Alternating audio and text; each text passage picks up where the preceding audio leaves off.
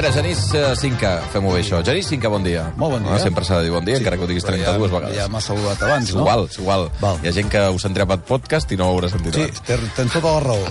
Us, ho, escolta molt, ho escolta molta gent, de fet, per, perquè m'arriben missatges a vegades el dimecres Que no, el dijous. que no té sentit perquè no, és- no per la ràdio. Ara aquesta senyora de què em parla? I resulta que ha escoltat això. En podcast. Soc, soc de l'antiga, jo. Ja, ja, ja, no, només sé la ràdio en directe. No, sí, és no curiós, això. a buscar. Bé. Bé, uh, avui parlarem d'un personatge que és Avui, un d'aquests grans, Avui, avui és enorme, això. perquè dèiem que és un cognom molt conegut, Molt. que molta gent el tindrà present, eh, Molt. però el personatge del Gens. qual se'n deriva aquest uh, cognom gens, no... gens, molt desconegut, però puc dir una cosa? Digues. Penso que aquest segurament és l'honorable més important que haurem fet a nivell de tot. O sigui, si féssim un resum de tots els personatges que hem fet, el que signifiquen a nivell científic, el que han significat a nivell social, el que signifiquen a nivell fins i tot català de país, aquest és un personatge que ho té tot, perquè de, de tan conegut que és, i, i de tan... Vaja, que és una empresa riquíssima, desconeixem que l'origen de tot això està feta amb un suro i un cordill. O sigui, és la típica història catalana d'algú que va començar del no-res i que ha acabat prestant un servei social i mèdic i sanitari importantíssim a nivell mundial. Mm. Estem parlant de Grífols. Grífols ara mateix és una empresa que ara ho mirava, que té el, dades del 2016, per tant fa 3 anys, pràcticament 15.000 treballadors. Atenció, perquè aquesta empresa cotitza al Nasdaq. Sí senyor, no només a l'IBEX. Eh, l'I- L'IBEX fa riure al costat del mm. Nasdaq. Vull dir, eh, atenció, eh, cada vegada que surt el nom de Grífols, de tant en tant, perquè són els reis de la reserva, mm. són, gent, són gent molt intel·ligent, són gent que ha fet les coses molt ben fetes des de fa diverses gen- generacions, ara ho repassarem, però és molt interessant veure aquesta connexió amb la simplicitat la- l'amor a la feina, perquè aquesta història és d'aquelles que te l'agafa un escriptor, un periodista nord-americà que et fa la, la, que la, la història de no ficció mm. i és al·lucinant. Grífols ara mateix és una gran farmacèutica internacional, una, no? un monstre que genera eh, 4.000 milions d'euros a, Bé, a l'any. no, tu- I, tu- i, tu- I qui és el Grífols que hi ha al darrere d'aquest Grífols? Bé, és, el, és precisament el Josep Antoni Grífols i Roig que una mica enceta la saga dels Grífols que actualment s'han convertit en el, provei- bé, el tercer proveïdor mundial d'hemoglobulines més important eh, del, a nivell món, eh?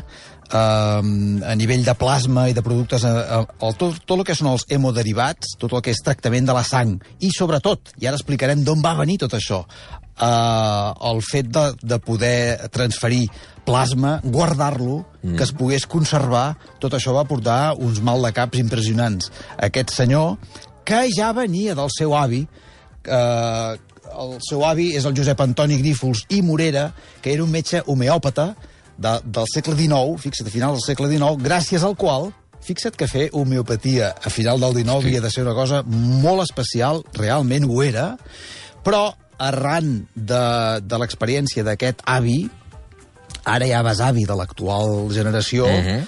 eh, el Josep Antoni Grífols i Roig es converteix en metge.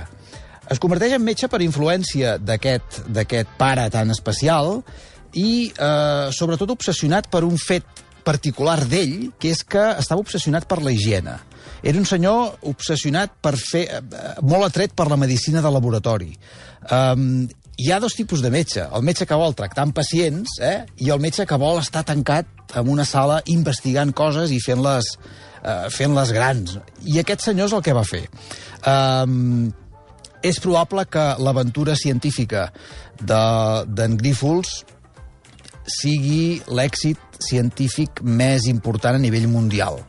Potser a part del trueta amb el mètode tancat i el, algun altre metge, els Gil Bernet, eh, que han fet, han fet coses molt especials en tema transplantament, en Grífols és, és molt especial. Bé, aquest senyor es va formar a Alemanya, eh, es llicencia a, a Barcelona, també se'n va a Madrid, etc. Funda un, una, un, un petit laboratori amb, amb tres amics seus, amb el doctor Celis, el doctor Moragas i el doctor Gordon. Aquest Gordon era, era un alemany que havia vingut després de la Primera Guerra Mundial. Els alemanys van quedar més pelats que una rata i es havien de buscar la vida arreu del món. Molts ho van fer a Barcelona i, en aquest cas, el doctor Gordon va trobar en pare al costat d'en Grífols. Eh, van començar a comprar unes balances, un microscopi, unes pipetes, un, un micròtom per començar a fer les preparacions, eh, un, un polarímetre que es diu per mesurar la, la glucosa amb sang, i van començar a oferir un servei d'anàlisi d'orina i de sang. Mhm. Aquest és el començament. El El típic 19 laboratori clínic, diguem-ne, perquè Sí, tu vas però a, petit, a treure petit, sang sí. i et fan el- els anàlisis. T'ho fan una miqueta tot, molt limitat, perquè a començament de segle XX tot això Mhm. Sí, es sí, podien esclar. saber quatre coses. Tot s'havia d'anar endeminant. El, el, el 1918 eh, es patega la, la grip espanyola i és un moment en què eh, en Grífols comença a destacar perquè a través dels seus anàlisis eh, s'adona que l'origen de la grip potser no és la que tothom pensa, un, un basil que es deia Pfeiffer, i ell ja comença a contraposar aquestes opinions científiques a nivell mundial. Per tant, aquest senyor, a través dels anàlisis que va fent, eh, comença a destacar, a destacar molt. Um, té un pis a la Rambla, Catalunya, on hi ha la meitat del pis, això, això a l'època passava molt, ja l'ocupa el laboratori. O sigui, clar, aquest senyor s'anava a viure un lloc i ja a l'acte tot s'omplia de pipetes, d'instruments, etc etc etc. Um, tenen un petit pati on hi ha uns conills destinats a obtenir el sèrum per uh, fer la reacció de Wassermann, especialista en aquesta reacció, que és utilitzada pel diagnòstic de, de la sífilis. Uh, és un senyor que no va fer mai vacances. Abans no es feien vacances. Val? Vull dir, Vacances oh, què és, tu quin dia això? comences? No, jo no vaig fer mai vacances. Aquest senyor eh, treballava fins l'hora de sopar, els diumenges inclosos, a més a més, aquí es treballava en diumenge, no hi havia, no hi havia parada, i abans de, abans de la guerra comença a fer vacunes. Això any 32-33. Bé, seguim. Um, trec tota aquesta informació i és important a partir d'ara perquè comencem, de fet la secció comença ara mateix, amb els cinc grans invents d'aquest tros de personatge, que són, és una cosa collonant, uh, un llibre que es diu Amb un suro i un cordill, que et dona, et fa t'indica molt bé com va començar aquest imperi farmacèutic, que són les vivències d'un empresari de postguerra del Víctor Grífols i Lucas, que és el fill d'aquest senyor. Val? Va morir el 2015 i ara són els fills d'aquest senyor els que comanden l'empresa. nets del- Els nets de l'honorable, diguem. Aquest senyor escriu, escriu un llibre, un llibre de memòries, força introbable, per cert, jo el tinc al davant, mm. i ara aniré llegint alguns extractes. El primer, el primer invent, diu, sens dubte, del meu pare, és la flèbula. La flèbula és un recipient de vidre amb dos orificis, un d'entrada i un de sortida, que permet extreure la sang del donant i injectar-la al pacient. Aquest potet, amb un tub que entra i un altre que surt, és el que permet, hi ha una foto molt famosa del seu pare, aguantant-lo, amb un pacient en una banda i el que dona la sang a l'altra. Permet que vagi passant la sang, per tant, això imagina la de vides que comença a salvar, aquesta flèbula es fa molt coneguda, manipula una xeringa per tal que hi pugui entrar, eh, i després s'inventa la flèbula transfusora. La patenta el 1929 i és el primer sistema de transfusions indirectes en condicions es- d'esterilitat. Per què? Perquè aquesta, aquesta flèbula permet que es pugui donar sang a quilòmetres de distància. O sigui, no cal que sigui eh, de pacient a pacient, sinó que la pot portar d'un lloc a l'altre. Imagina't tu l'avenç científic que això, que això significa. Treies la sang on es trobava el donant i la podies portar a on hi havia el pacient. Entens? Tot això perquè la flèbula aquesta, eh, inventada per ell, està preparada amb citrat sòdic i era estèril. Les transfusions indirectes amb aquesta flèbula eh, fa que el personatge comenci a fer un gran salt cap endavant amb aquesta obstinació eh, que eh, fa que pugui recollir mostres per fer eh, anàlisis. Mm -hmm. Seguim. Uh, què es va trobar aquí? Es va trobar que perquè, um, perquè tot això pogués, um, pogués transferir-se bé, uh, els potets on es guardava la sang hi, es feia, hi havia uns taps, uns taps de suro. I doncs ell s'inventa un tap de goma, fixa-t'hi, un tap de goma perquè de manera que si quan hi feia penetrar l'agulla, en treure-la, aquell pot seguís sent hermètic. Imagina't tu. Per tant, i aquest tap de goma, aquest tap de goma és el que encara avui dia s'utilitza eh, tot això és una patent d'ells. Aquest tap de gona és el que avui dia s'utilitza encara amb una concavitat a la part inferior, de manera que es pot punxar amb aquesta facilitat amb, amb l'agulla. És un altre invent d'en de, Grífols i Roig. Mira, estic veient algunes de les fotografies de la pròpia pàgina web de, de Grífols, d'en fi, del, del, del, dels productes d'aquestes flèbules. Mira, diu flèbula Grífols, para la extracció y envío de muestras de sangre. Mm. de sangre. I aquí el, el, el pot aquest, o l'estructura que deies, sí, amb, sí. amb l'agulla i el tap de, aquí de goma. És el, aquí és el perfecte. Mm -hmm. Uh, pel que fa a la, microbiologia, això, mentrestant, va fent el seu, tot el seu laboratori, les mostres de sang, tot plegat. S'inventa, s'inventa per primera vegada el cultiu de gèrmens a través d'una membrana en paper de celofana. Tot això Allà, allà, allà en, el, paper... en, el, en el piset, eh? Dona'm un trosset de paper de cel·lofana. Paper de cel·lofana directament del medi de cultiu líquid i això li permet inventar-se una vacuna antitífica, el tifus, amb, la, amb un antigen que és una novetat de l'època que va permetre començar a combatre el tifus. Imagina't quines coses. El quart invent i atelit és aquest tap de goma que va anar evolucionant. Aquests taps, per cert, és interessant veure com després a qui ho encarregues, això. Qui, qui t'ho fa, això? Diu, bé, els taps inventats pel meu pare els vam encarregar a l'empresa La Calle i companyia. El moll original per la seva fabricació es va quedar a la fàbrica i amb la guerra es va perdre però l'invent va perdurar. Avui en dia encara s'utilitza per totes les solucions parentals en vas de vidre. Fixa't.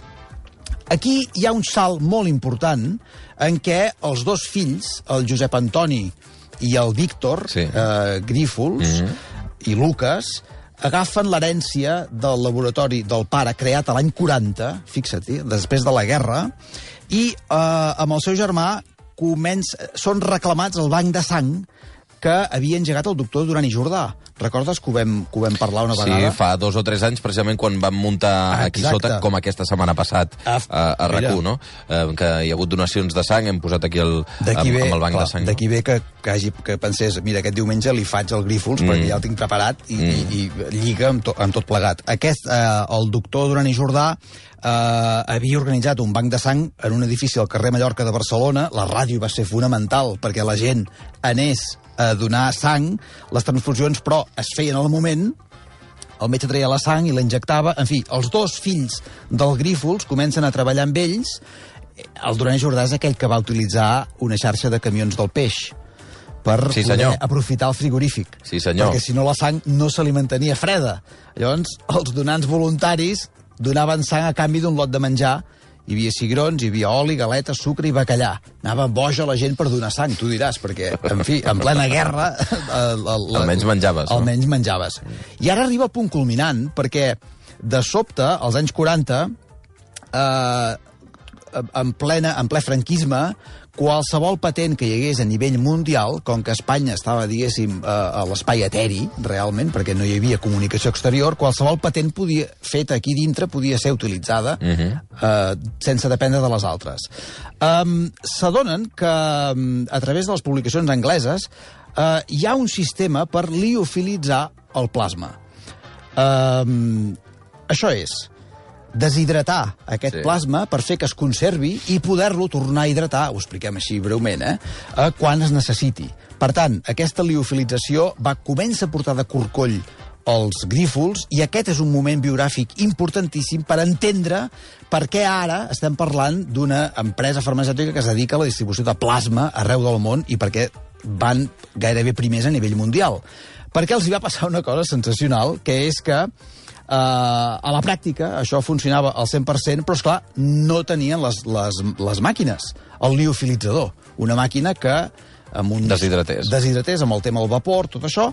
La principal dificultat, llegeixo del Víctor Grífols Lucas, era construir el liofilitzador. La màquina de crear el buit ens donava molts problemes. En el mercat de l'època no hi havia bombes de buit. Els qui més hi en tenien aleshores eren els fabricants de bombetes ja que llavors aquestes portaven buit per evitar l'oxidació del filament metàl·lic.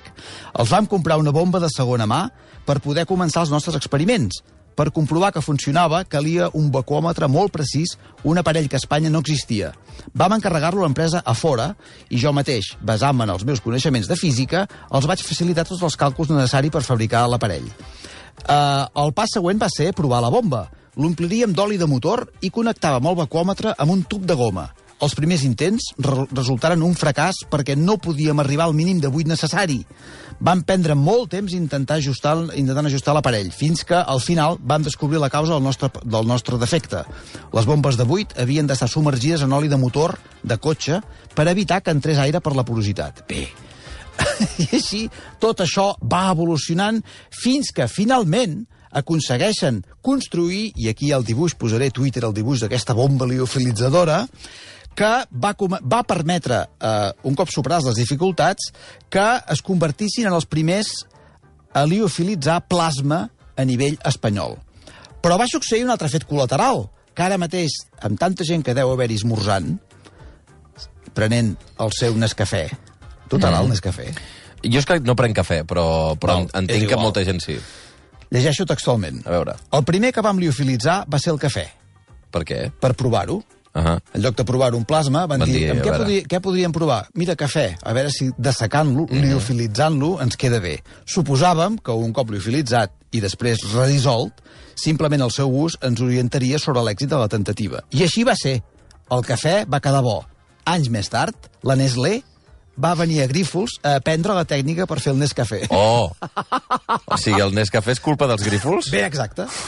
Hosti. Per tant, fixa't quina, quina mena d'aplicacions eh, tècniques i quotidianes pot tenir l'aventura científica d'uns nois que s'han entestat en liofilitzar el plasma sanguini i l'aplicació que ara mateix per ells té a nivell mundial. Mm. És acollonat. No és brutal. Sembla, no et sembla una història enorme? És brutal. Um, seguim. Seguim, perquè això no s'acaba, eh? El 1945, els Grífols creen un banc de sang. Creen mm. un banc de sang, privat. Com que hi havia tants problemes, diuen, saps què? Anem a fer el nostre. Fan, fan el seu banc, el banc de sang privat. Una cosa també tremenda. Ah, perquè entremig també s'han d'inventar unes agulles. Unes agulles especials que... Eh, unes agulles de bacalita que, que a través de l'estraperlo aconsegueixen per poder millorar tot aquest tema est, est, eh, de, de les extraccions. Perquè la sang se'ls hi conservés, Uh, diu... és que ara ve el millor, eh? Um, diu...